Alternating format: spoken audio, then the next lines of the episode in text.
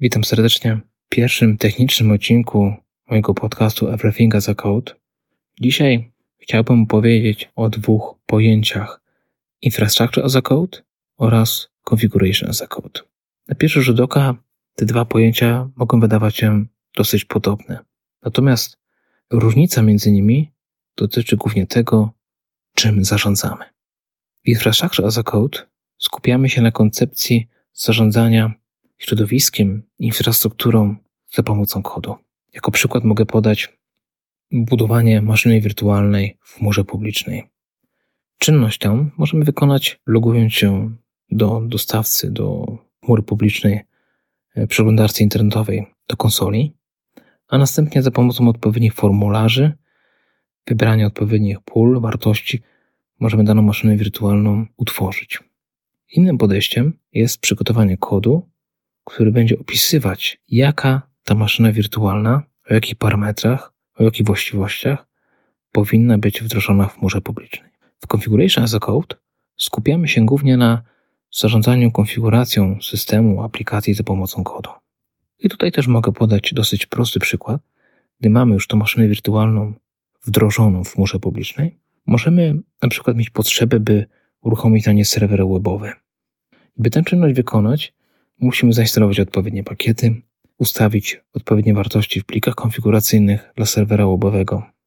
Możemy te czynności wykonać manualnie lub przygotować kod, który będzie nam opisywać, jakie dokładnie pakiety potrzebujemy zainstalować, co dokładnie ma być skonfigurowane i ten kod użyć do tego, by to wdrożyć w naszym systemie.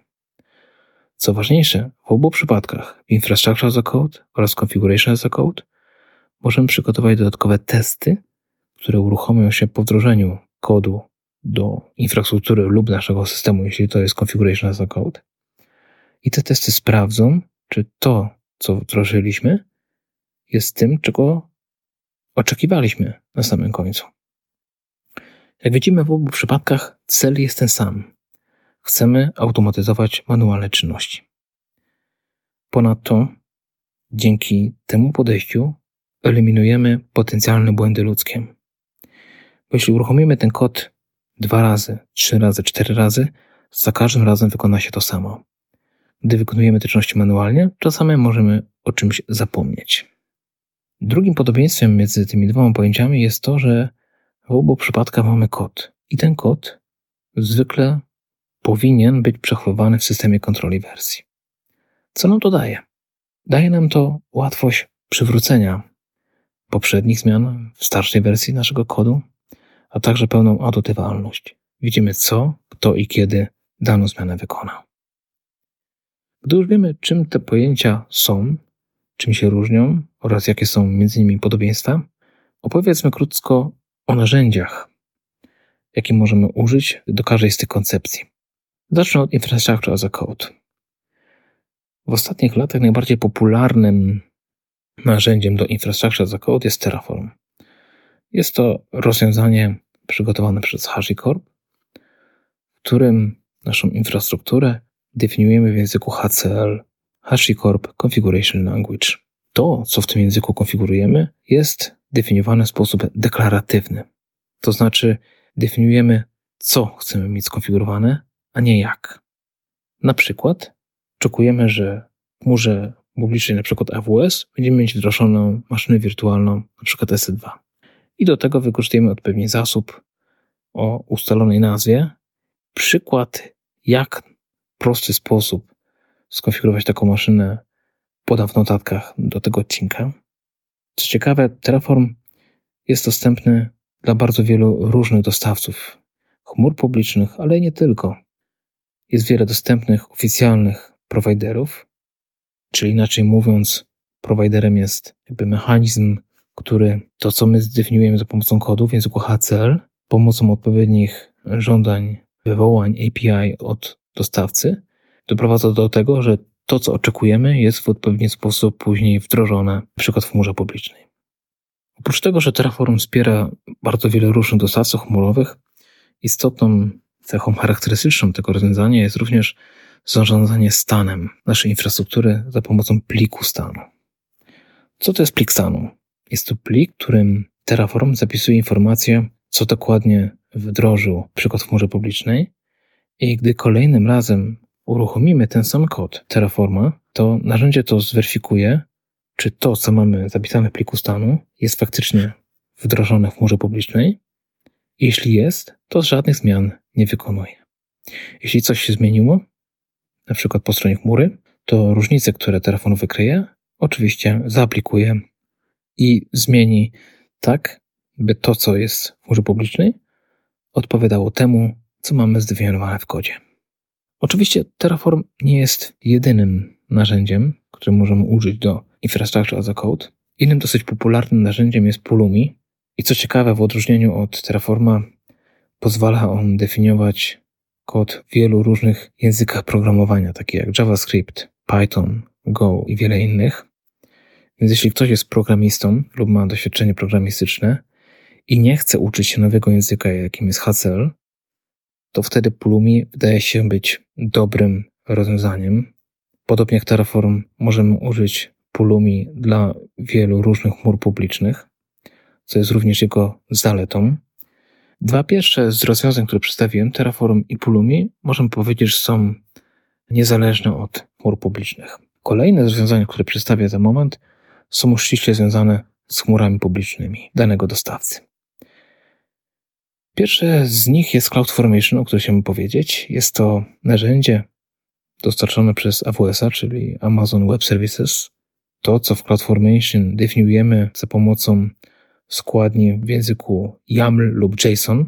Tutaj mamy do wyboru. Oczywiście jest to rozwiązanie specyficzne tylko dla AWS-a i tylko dla AWS-a możemy CloudFormation użyć.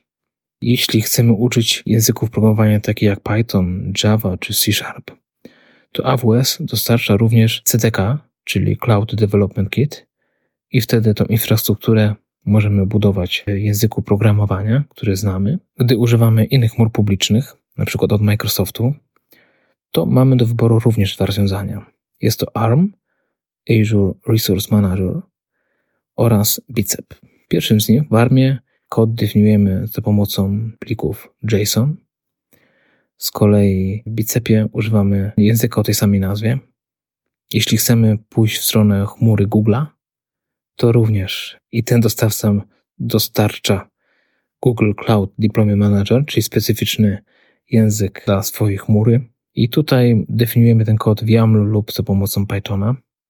Jeśli mowa o dostawcach chmur publicznych, to jako ciekawostkę powiem, że jak widać, każdy z tych trzech graczy, czyli AWS, Microsoft i Google, oprócz wspierania Terraforma i Pulumi, ma swój specyficzny dla swojej chmury środowisko do konfigurowania infrastruktury za pomocą kodu. Z kolei inny dostawca chmurowy, jakim jest Oracle, który jest graczem mniejszym, od razu tak naprawdę skupił się na Terraformie. Nie ma specyficznego dla Oracle'a języka, systemu do podejścia infrastructure za code.